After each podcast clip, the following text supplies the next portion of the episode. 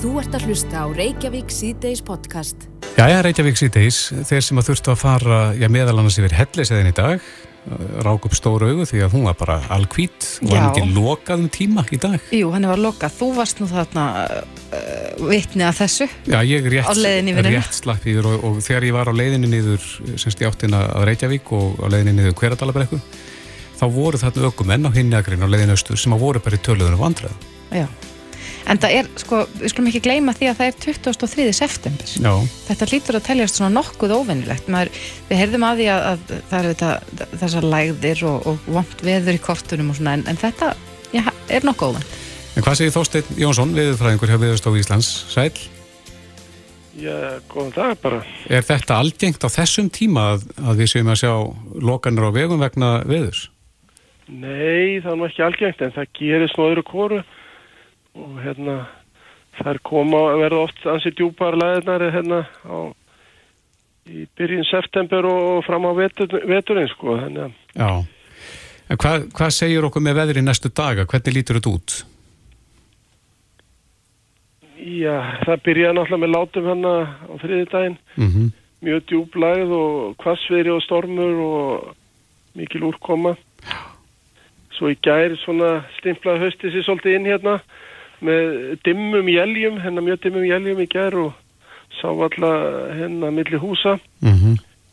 og e, síðan bara var fínast að vera í gær og gærkvöldi og lagði og létti til og þá fór ég reyndar að kolna daldi og var svona, frost í morgun.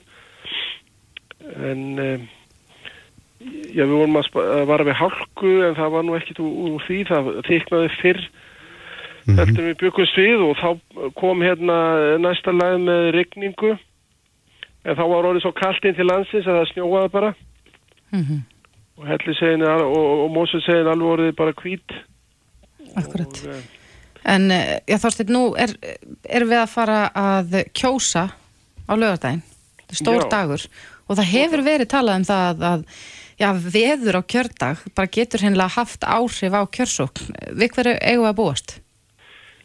Sko spárnar hafa verið svolítið í úr með hérna lögadaginn sko. Núna í morgun var svona heldur fannst manni að draga úr uh, illviðra spá sko. En mm þannig að sko það er samt það er svona ákveðin norðaustanátt sumstaðar allkvass eða kvass og þá er einhverjum að hugsa um vestfyrðina og kannski hérna austfyrðina og söðustuströndina það getur orðið kvast þar þar mun rigna bara en uh, svona á norðu helmingi landsins er uh, getur snjóað á fjallvegum og, og skafið og svona þannig að um, veðrið er svona upp og ofan svolítið en það ætti samt ekki að hafa áhrif held ég á kostningarna sko, kostningaveðri er allt í lægi það er bara svona meiri spurning hvað gerir svona eftir það þegar búið að loka kjörstöðum og fara að flytja kjörkassana millir landsluta sko. Mm maður vonar að það verði ekki ófært en, en það gæti vestna svolítið veðri aðfóra nótt sunnudagsins og bætti úrkomuna. Já, menn þá snjóa eitthvað stað með því? líklega já, það getur snjóað aldrei á, á, vestfjörunum og jafnvel þú staðar á Norrlandi svona inn til landsins. En það er nú mest rigning bara og slitta á lálendi Já. Er, er Það- komin, það bara, maður er aðalega að hugsa um bara sko þessa fjallvegi og samgöngum millir landsluta sko já, þannig að þeir sem að þurfa að fara eitthvað yfir fjallvegi þeir ættu að að fara að huga að dekkjastiftum. Já, það er, það er hyggilegt sko. Það Vel mælt að fara að huga að því. Já, akkurat. En þú segir að, veit ég ekki, ég held, að, ég held, held nú að sé ekki leifir eftir að vera með annarglega ekki með í borginni sko. nei, Ekki finn eftir miðan oktober þó að laurlinn gerir náttúrulega. Já, tekur mið af aðstæðum mið- það við tökum miða aðstæðum eins og alltaf bara. Já, akkurat. En þú segir að, að veðrið ætti ekki að hafa áhrif á, á kjörsóknin á morgun. Þetta er ekki, ekki slík spá. Nei, nei. Nei, það sést á lögadaginn. Já, fyrir ekki á laugadaginn, meinti ég. Nei, nei, þetta er ágætis kostninga veður sko. Það er alltaf leiði. Já, við séum það er spurning með talningaveðri sko, þegar á bara að telja atkvæði, það er svona, það er að vestna þá. Já, akkurat. Það er bara vonar að þetta trubli ekki hérna talningunum þannig að hún standi langt fram á sunnudagin sko. Já, einmitt. Mér stilst að, og það voru nú fréttir af því í gæðir að landeldi Tjæslan er svona með viðbúnað ef að þarf að, að skuttla gögnum á milli staða. Það er frábært að heyra. Já. Þorstein Jónsson, veðurfræðingur hjá Veðurstofu Íslands, kæra þakki fyrir þetta. Já, takk. Og það er ekki vegið að fara frá viðurfræðingnum yfir í vegagerðina. Akkurat, eins og við já, vorum að ræða, þá var hellisheginni lokað. Já. En e, já, við erum komin í sambandi við vegagerðina. Sverrir Unstensson, þjónustu fullur og hjá vegagerðin er á línu, kom til sæl. Já, komið sér. Já, þetta er óvinni snemti það ekki sem að þið tætti upp á því að loka vegum. Herðu, jú, full snemt, kannski, myndi ykkur að segja. Já, helliseginni lokaði í dag. Hva, hvað gerðist það sem var til þess að þjákaða að loka? Já, þar var slís eða uh, óhapp og, og hérna uh, og bara til þess að allt stopp ekki, uh, já, þar var allt að stoppa og þess vegna var tekið á þar af. Já, þannig að aukuminn hafa átt í tölunum vandræðum vegna snjóa.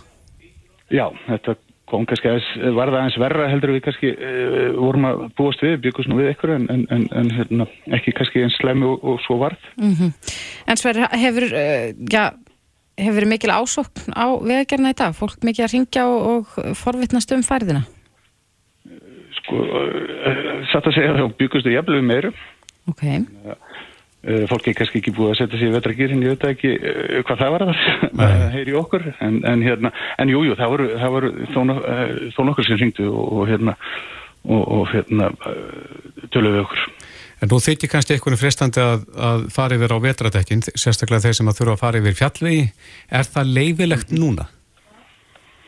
Sko, er náttúrulega lögurglæs að vera svara því kannski, en, en hérna, ef aðstæður eru þannig, þá á, á eiga aukuminn að búa sér eftir, eftir aðstæðum og, og hérna, og ef aðstæðu kalla á, á, á vetradekki, já, þá á fólk að gera það.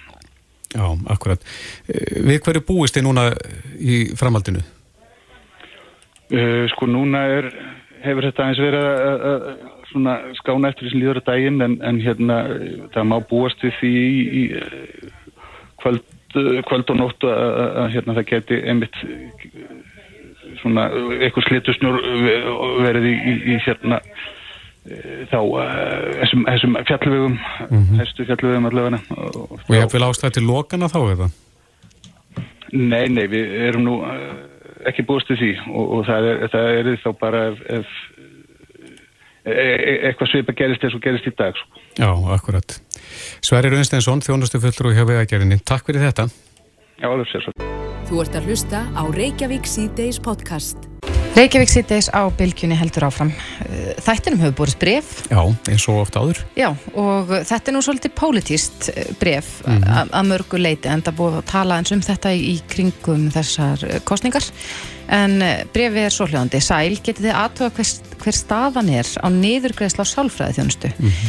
Hvar er það mál statt? Tæpum átján mánuðum eftir að lögin voru samþygt. Já.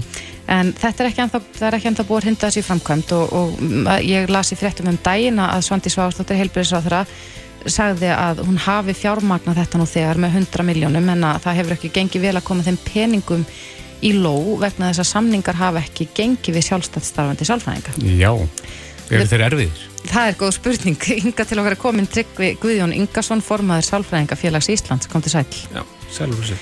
Já, þú ert nú kannski ekki rétt að, manneskjan til þess að spyrja hvað er þetta mál statt en þú hefur þó einsýn í það. Já, ég þekki þess til. Já. Já. Uh, hafið þið verið í viðræðin við sjúkratryggingar Íslands um, um já, útfæsla á þessu? Sko, í rauninni félagið er ekki samnins aðali, þannig að sko það, er, það sem gerðist uh, var að sjúkratryggingar auglist eftir fyrirtækjum eða svona, já, sem hefði áhuga á að koma á samning, ekki þannig að Um, það er svona ákveðin breyting frá því að áður var eins og sjúkra, sjúkraþjálfurarnir hafa verið eins og ákveðin svona rammasamningur mm -hmm. sem að allir geta síðan kannski farið á heldur það að vera að reyna að semja við fyrirtæki ein og sér mm -hmm. það er svona þeirra leið núna Já þannig að ef ég skil það rétt að þá þýr það að, að já, manneska sem hefur mögulega verið hjá einum og sama sálfræðingur svo árum skiptir þyrti þá mögulega að skipta við eitthvað annað fyrirtæki til þess að fá niðurgrisluna Þá verður það bara ákveðin fyrirtæki sem hafa samning ef, ef að þessi leiði verið farin veist, ef, þetta verið klárað þannig um, og hérna þá er það bara aðiladnir hjá þessum fyrirtækjum sem geta veitt þessu þjónustu, já En ég er svona kannski að upphæflega spurningunni, hvar er þetta málstatt? Nú hefur helbriðs á þeirra sagt að, að já, peningarnir séu til staðar en að það sé erfitt að, að ná samningum. Já, sko, peningarnir, það eru 100 miljónar til staðar eh, og í rauninni kannski eh, væntingarnar voru kannski svolítið meiri heldur en það að fá 100 miljónar. 100 miljónir eru allt, allt og lítið til þess að fjármagna þetta verkefni almenlega. Hvað þarf mikið pening?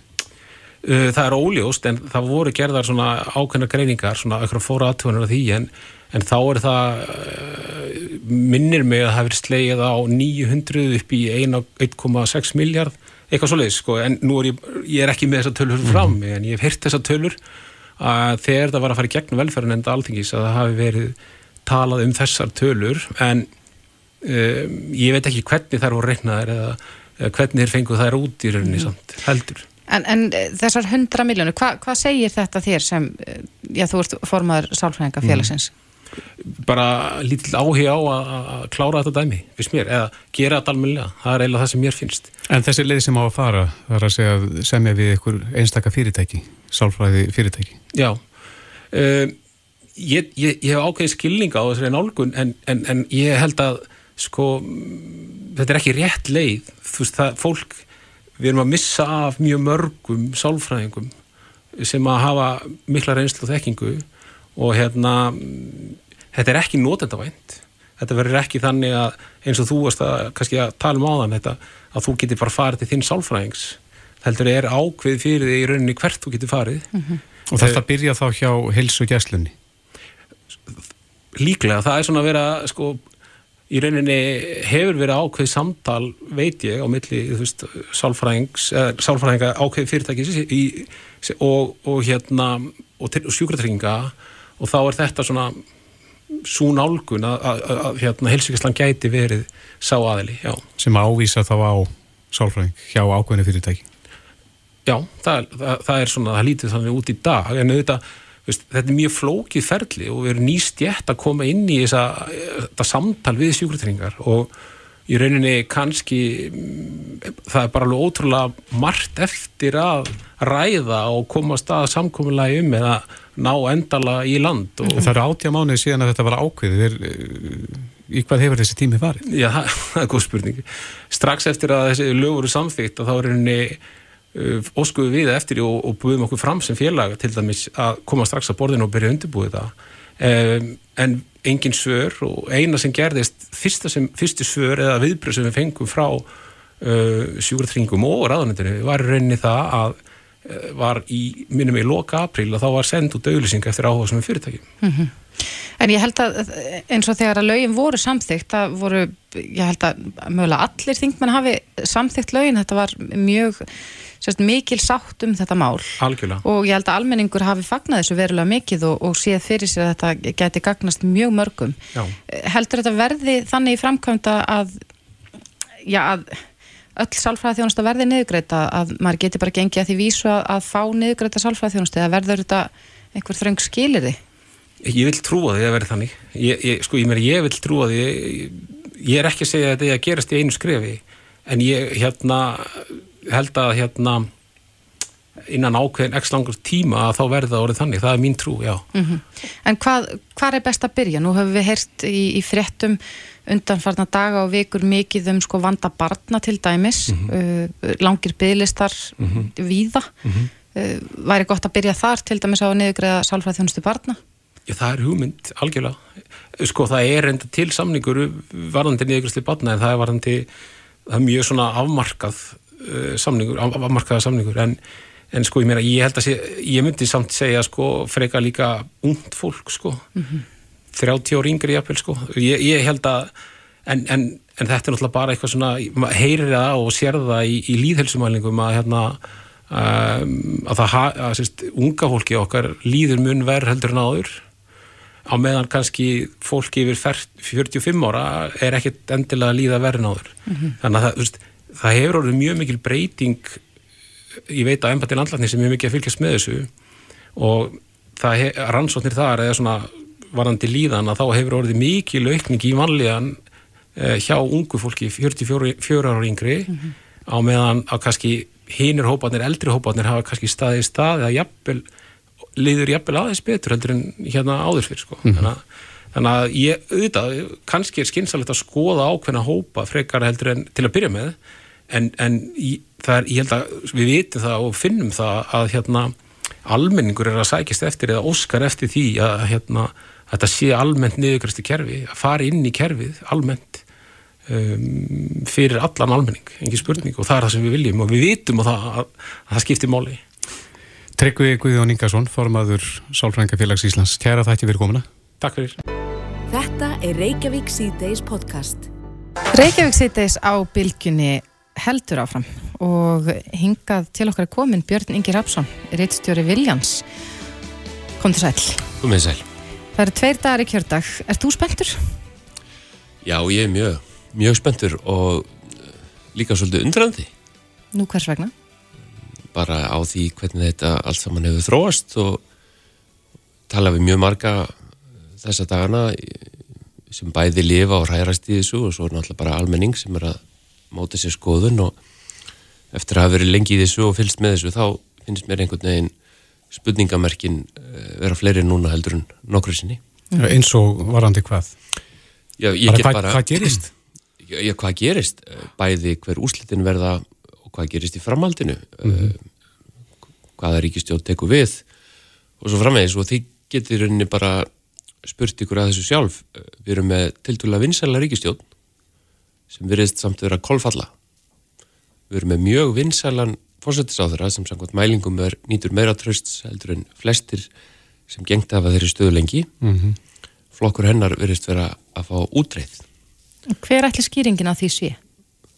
Já, sko, þú, þú veist, þetta voru, ég var bara rétt að bregja, en, en skiljiði, þú veist, það, það, það er margt mjög sérstatið þessu. Síðan hérna vitum við ekki hvernig veðrið verður á kjördag, þannig að ég veit til þess að það er fullt af fólki búið að vera kjósa núna í vikunni og í dag og, og morgunni á að vera ágættis báallega hérna á söðusturhóðninu en við erum... Veður fara einhvers aðeins við okkur hérna í byrjun þáttar að veður ætti ekki að, að spila mikið inn í á kjördag. Nei, vonandi ekki. Já. En það voru ymsinn sem töldu kannski að það þyrti tvo kjördaga ekki bara át af möguleika á einhverju veðri heldur eh, að COVID geti sett sér í greiningin. Mm -hmm.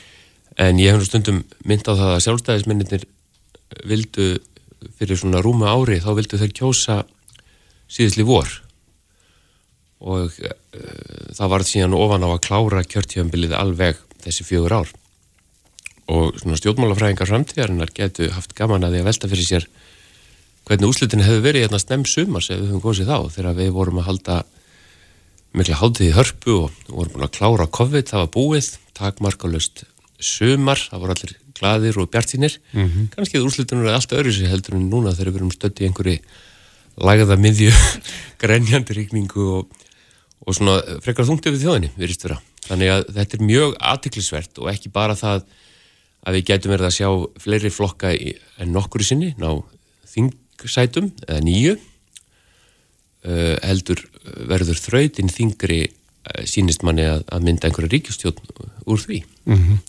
Hefur þetta verið prúð bara átta?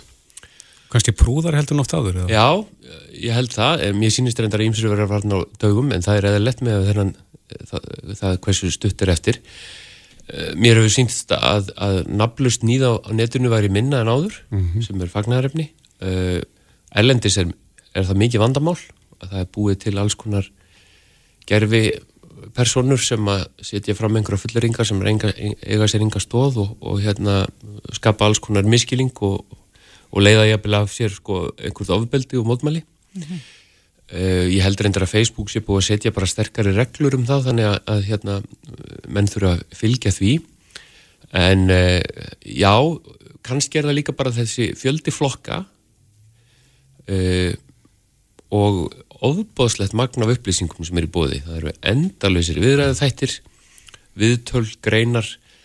Eh, ég held að þetta fari fyrir ofan og neðan garð hjá mjög mörgum landsmönnum sem eru alltaf að reyna að finna einhverja aðalatri og svo er eitthvað sem fréttist úr einhverju viðræðum umræðum að, að, að þessi hafa sagt þetta og svona hann bregðuðist við og það er alltaf forðunilegt svona eftir á að velta fyrir sér hvað í rauninni náði í gegn uh, og til dæmis eins og ég var að nefna með COVID að nú fóru Íslandika til dæla vel út úr því með flestar aðrar þjóðir og það er svona margt sem betur til þess að það vest að sé að bæki þeim öfnum en við verðumst vera að gefa þeirri ríkistjótt sem stóði sem mörguleiti vel í þeim faraldri rauðarspjaldið á lögðegin.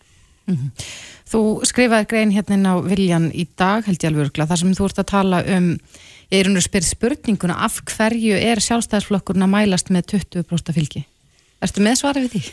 Nei, eh, alls ekki og ekki frekar heldur en sjálfstæðismenn sjálfur held ég. Ég menna þeir eru klárlega að velta þessu fyrir sér sjálfur. Þetta er þróun sem búin að vera í svolítinn tíma þetta er flokkur sem eins og þeir munið fekk mjög mikið fylgi hér uh, áratum saman flokkur sem fekk reynan meirluta í borginni, bara sem dæmi og uh, ef að, að úslitin verði að eitthvað í kringum þetta sem að þessar skoðanakarnir benda til, hvort sem 20-23% þá var það vesti árangur í sögu sjálfstæðslósins. Í hvað stöðu formaður en þá?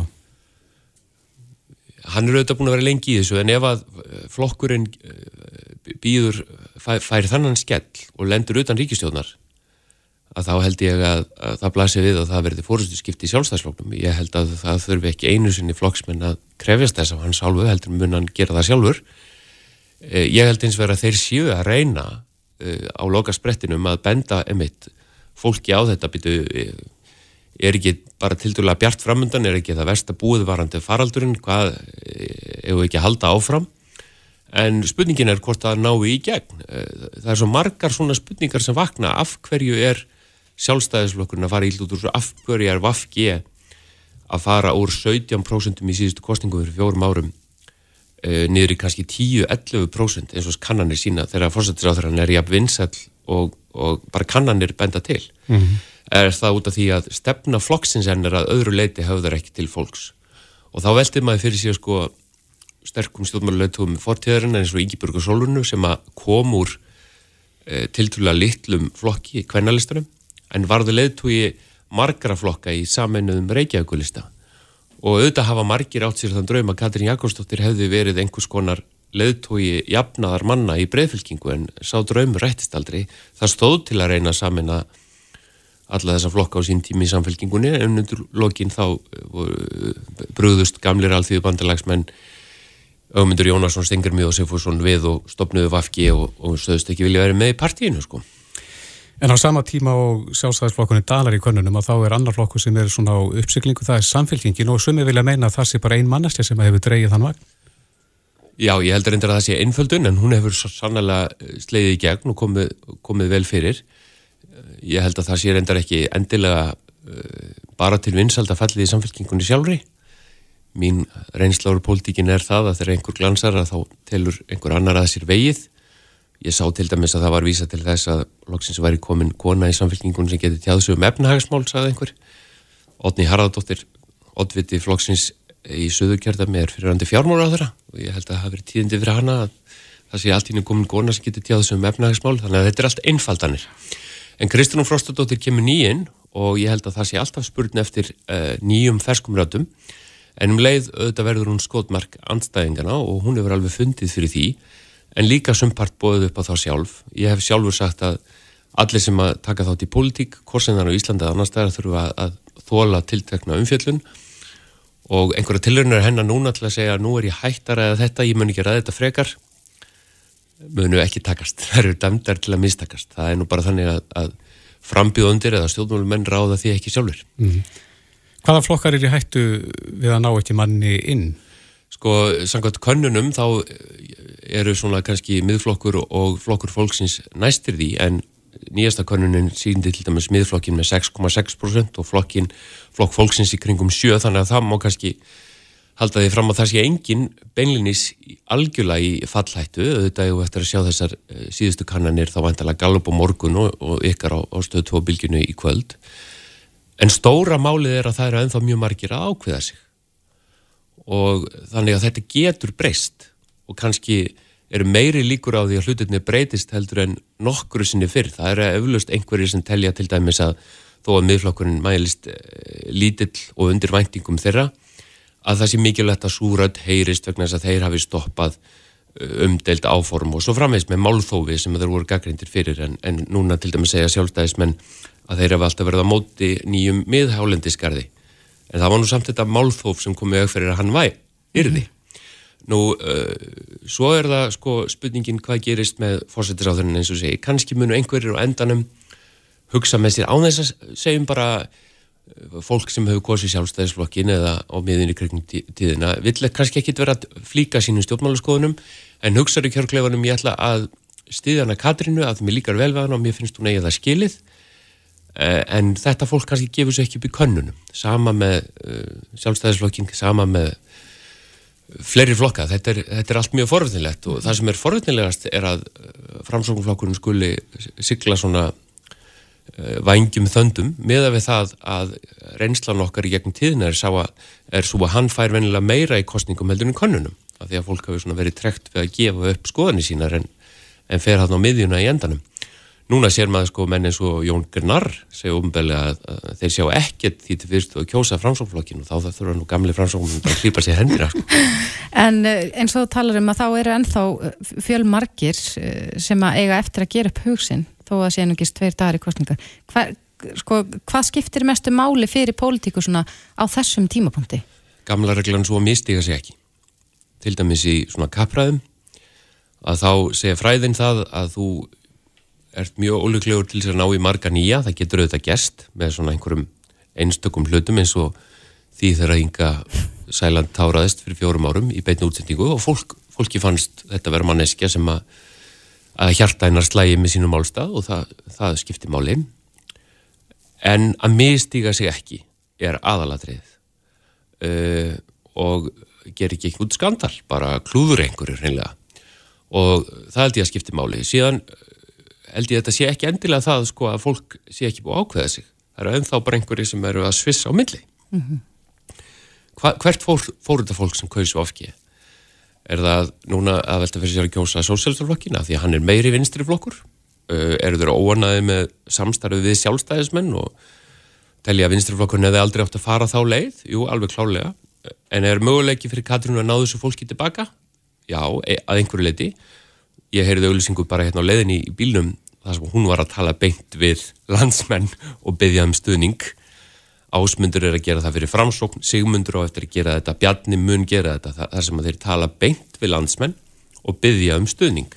Og það hefur uh, mikil áhrif á endarspiritinum og uh, þegar að fólk er komið eitt inn í kjörgljáfan, búið að loka það sér, enginn sér til, þá gerast nefnilega stundum hlutir, jafnvel þó að fólk segist í, í, á vinnustæðunum eða heima hjá sér, á hvað segir eitthvað allt annað. Ratar atkvæðið yfirleitt á gamla góða? Uh, nei, það, eh, sko... Eða er það breytt tíð?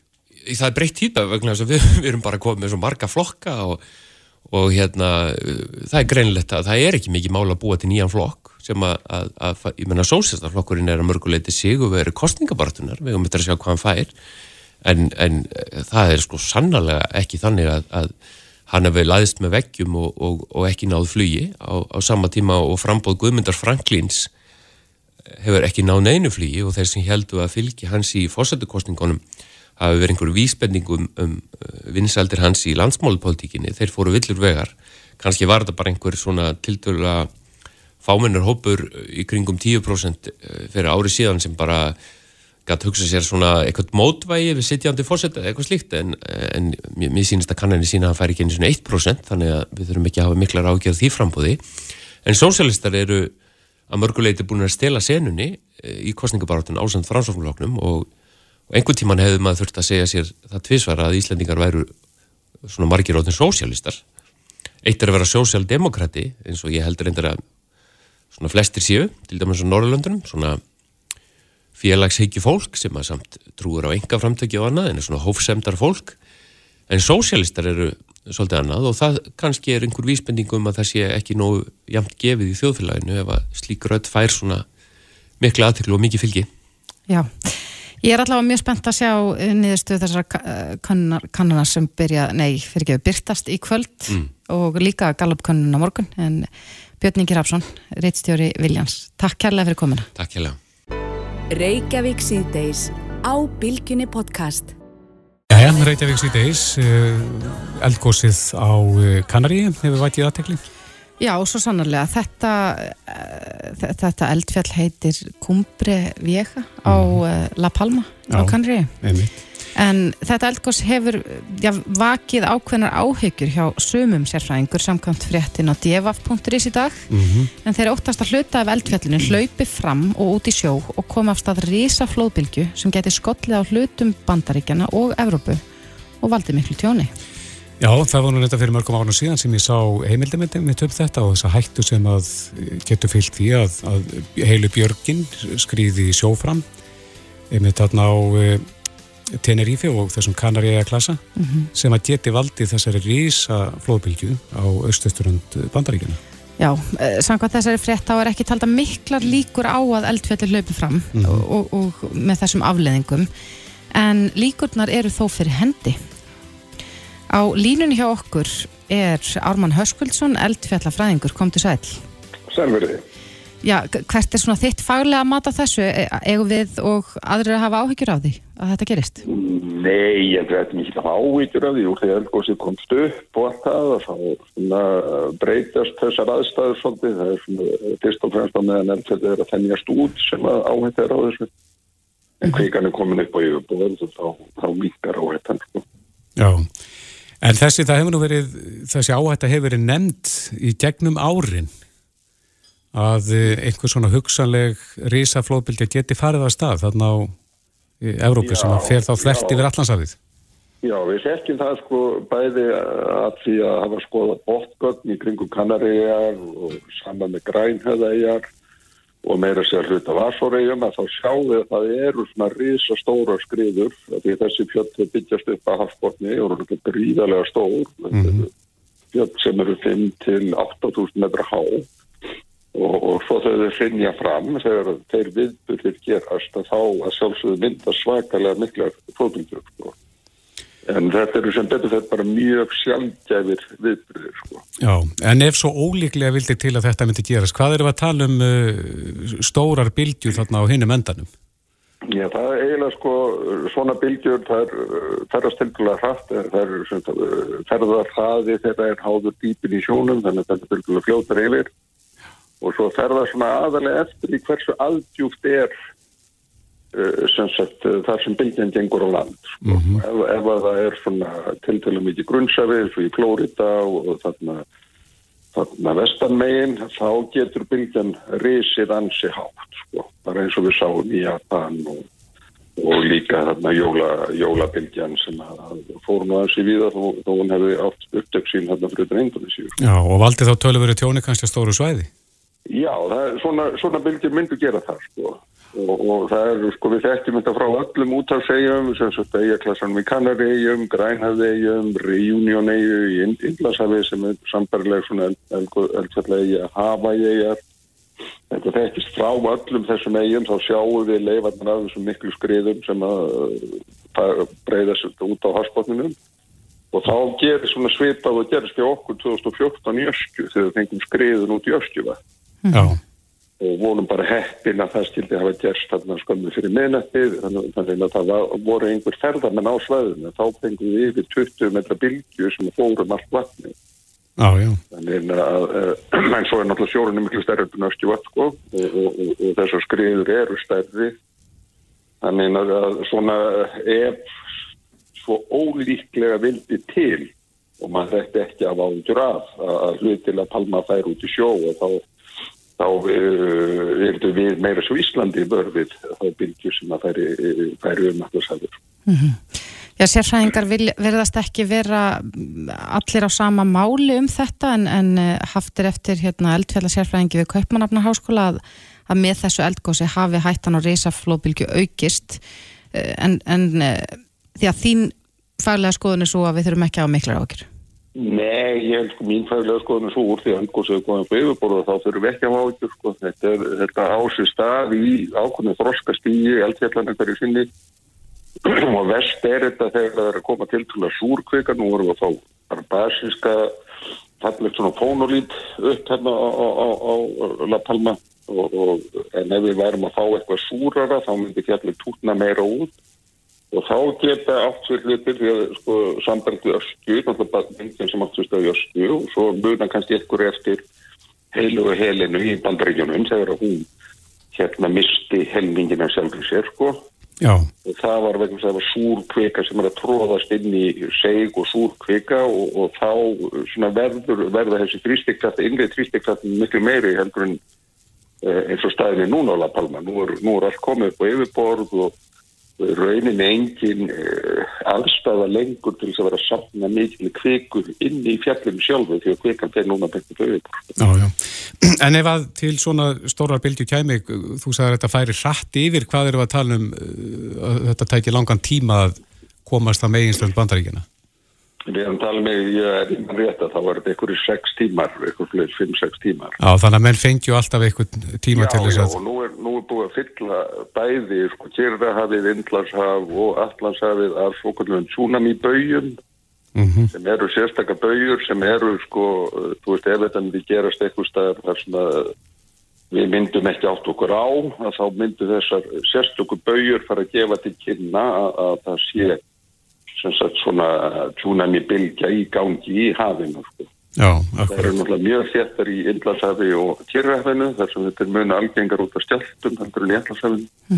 En, en uh, það er komið, samt sem áður er komnar uh, náttúrulega bauðir fyrir utan Ameríku og utan Európa.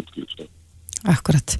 En það er ánægilegt að heyra að eh, þetta sé ekki mikið áhyggju efni. Ármann Hörskuldsson, eldfjallafræðingur, takk kærlega fyrir þetta.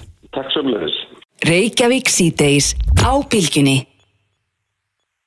Jæja, Reykjavík síðdeis, það var eh, lokadagur í rauðagerðismálunum svo kallað fyrir dómi í dag. Akkurat, eh, það hafa borist já, svona einhverja fréttir úr beint úr dómsal í dag þar sem hún Hallgerður Kolbrún E. Jónsdóttir, uh, fréttamaður hefur setið síðan klóð nýju morgun en er núna komin hinga til okkar, kom til sæl Hallgerður. Sælublasið. Já, hvað uh, fór fram í dómsal í dag? Í dag var sem sagt málflutningur, uh, lokadagur aðalmaðferðar og þá kemur bæði ákjörvaldið og verjandur og flytja sitt mál fyrir dómara.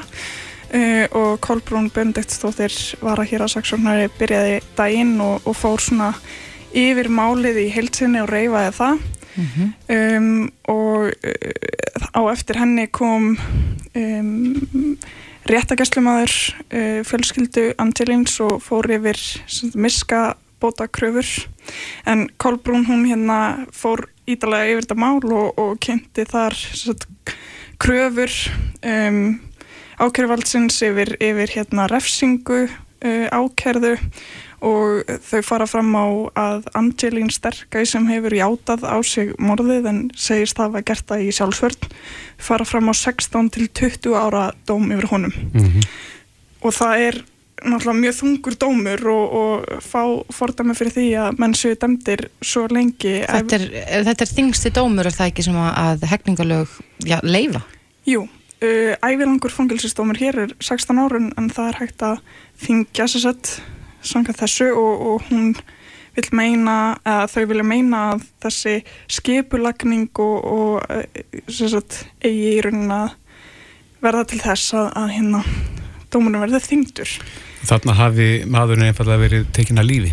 Já, hún sagði það í dómsal að, að þetta hafi verið aftaka, mm Mhm. uh, skipulöð aftaka og hérna, já, tók það svo leist til orða. Var hún sannfærandi í sínum álflutningi? Hún var sannfærandi í, sínum málflutningi en svo komið hann verjendur og, og þar var einn sem að skaraði kannski fram úr, það var verjendur Múrats uh, og hann var mjög skýr í sínu máli og, og hann dróð þar fram gaggríni og gaggrindi sérstaklega greinagerði lauruglu sem var skilað inn með skýrslu lauruglu uh, og í þessari greinagerði þess að farið yfir í rauninni er þetta einhvers konar vangaveltur lauruglunar yfir það hvernig refsingu skuli háttað og, og í rauninni faraðir yfir um, hvernig sko hver og einn sakbortningur kemur á málinu og svona leggja það fram Mhm. uh, sem að telst þeir telja frekar óeðlilegt og, og hann endi að hæstiréttur hafi ítrekka gert aðtöðsamtir við svona greinagerði sem hafi komið frá löglu þannig að það er svona slómandaldi. En taldi hann það hafa haft ykkur áhrif á málið sjálft? Já, hann sem sagt dregur þarna líka fram að, að í hérna, skýrslu lauruglu hafi hvergi komið fram uh, síðasta hérna, uh, göggun úr síðastu skýrslutöku lauruglu við, við Kláti og Angelín sem eru ákærið málunu á samt múrat. Uh, og þar segja þau sem sagt í þessar síðastu skýrslutöku að múrat hafi ekki gefið fyrirmæli um að Kláti að skildi fylgjast með bílum Armandos sem að er í rauninni samkvæmt ákærinu hans eini þáttur í þessu máli. Um, og þau sem sagt bæði segja í þessar síðustu skýrslutöku að það hafi verið Angelin sem hafi gefið þessi fyrirmæli og gefið Klátíu fyrirmæli um að þegar bílar Armandos færiðust um, frá Rauðarástík þar sem hann var stattur fyrir um kvöldið að þá ætti hún að senda skilaboð á spetim sem er líka hann með ákæður að set, skilabóðin high sexy og það ætti að vera einhvers konar merki um það að Armando var á leiðinni heim en það hafi sem sagt ekki verið múrat sem hafi gefið þessi fyrirmæli heldur að það hafi verið Angelin Já. Uh, hvað fyrir ákjörðuvaldi fram á þungar efsingu yfir uh, þá þessum vitvorsmönnum?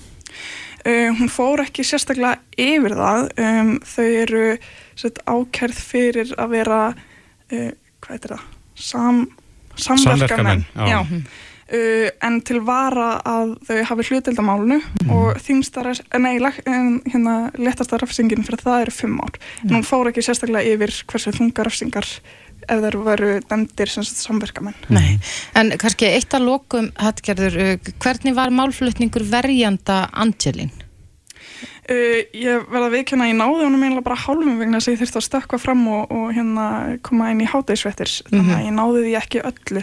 En, en hann ber fyrir sig sjálfsvörn í þessu máli? Hann ber fyrir sig sjálfsvörn í þessu málu og hann fór sérstaklega yfir allar þessar hótanir sem að uh, Angelina á að hafa sendt honum og, og fjölskylda hans. Uh, og hann hafi, þetta hafi í rauninu bara verið örþrjafa ráð hjá Angelin að fara þarna og skjóta hann.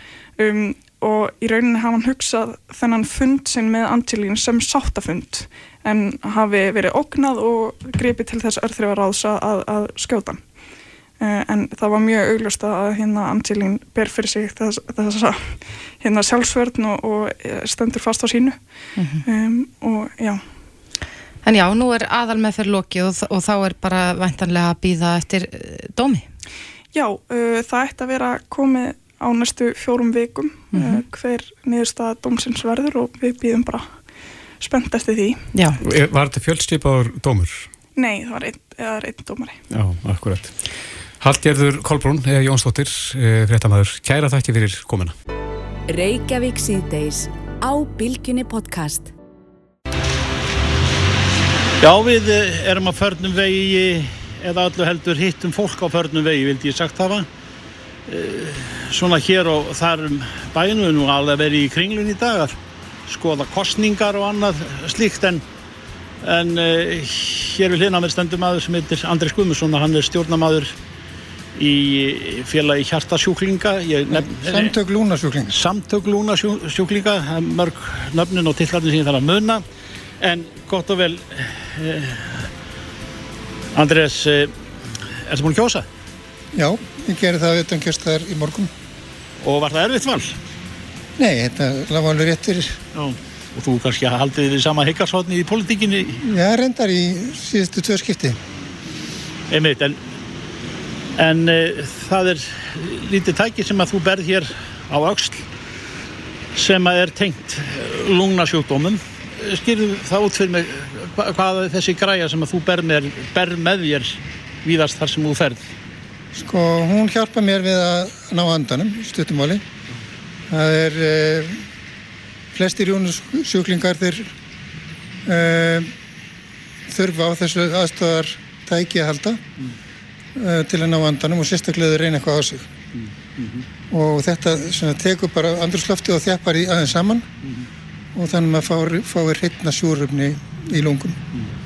Það var í fréttum hérna hjá okkur á dögunum, eh, ekki fyrir margt löngu, að e, þetta er umtalsverður hópur sem hefur fengið sinjun þar að segja þegar það ætlar sér inn á hjúgrunarheimili með þetta tæki en er, er gert brottregg af því að það má ekki hafa það með sér. Já, í rauninni er þetta þannig að samkvæmt reglugerð þá á sem borga sjúkratryggingar uh, afnóta þessum tækjum fyrir fólk. En þegar það er vistast á stofnun þá á sem stopnunin að taka við. Og það gerist þá þannig að, að sjúkratekninga taka tækið af fólkinu og það verður þá að sækja sinn rétt innan stopnunarinnar og þar er flöskuhálsin vegna þess að sum, suma stopnanir uh, tellir sig ekki hafa efna á að borga þetta þó að það sé alveg klárt í við að gera það. Komið svo stað upp og hún hefur komið alloft upp hef, ég uh, eru þið þá hreinlega tjóðruð bara inni? Við, við tæki þau sem aðgengilegar og innan dyra á hjókunarheimilum Já, hjókunarheimilum og þetta er líka á ellheimilum, þetta er ekkert endilega fólk sem, sem er rúmlegt eða neitt svo leiðis, þetta er bara fólk sem getur alveg hreift sig ef það fær smá stuðning af, af svona tæki. Og stopnurinn það tellir sig ekki hafa efna á að borga þessu. Þrátt fyrir að í raunin er það sjúkrætringar sem borga rúsan að lókum Hvað er þið mörg svona, maður hafa einhverja hugmynd?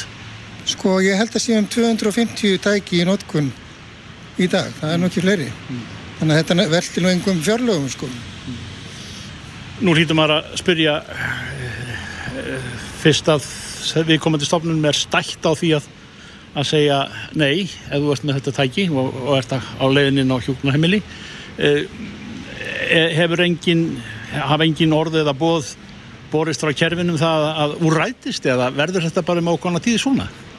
Sko ég held að þeim er náttúrulega ekki stætt á þessu en uh, ég veit að aðstöndur hafa hlaupið undir bakka og keift bara tæki sjálf sem er náttúrulega alveg uh, ótækt vegna þess að þau hefur svo enga möguleika á að nýta tæki síðar og setja bara uppi með randist tæki sem að verða kannski aldrei notið framar og en veist, af hverju þið komast upp með ég get ekki svara því og þetta er náttúrulega erfitt að, þetta er reynir bara kerfisvilla.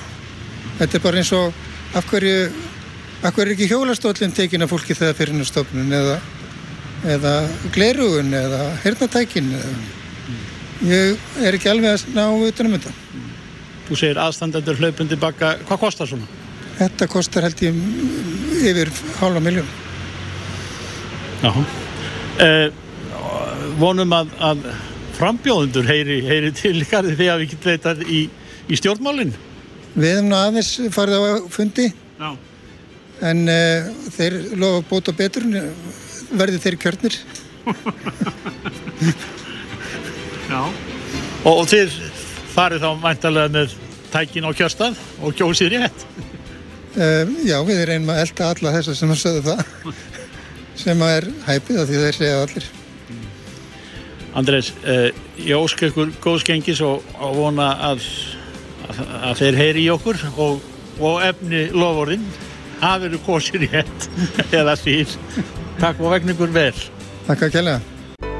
Hlustaðu hvena sem er á Reykjavík C-Days podcast.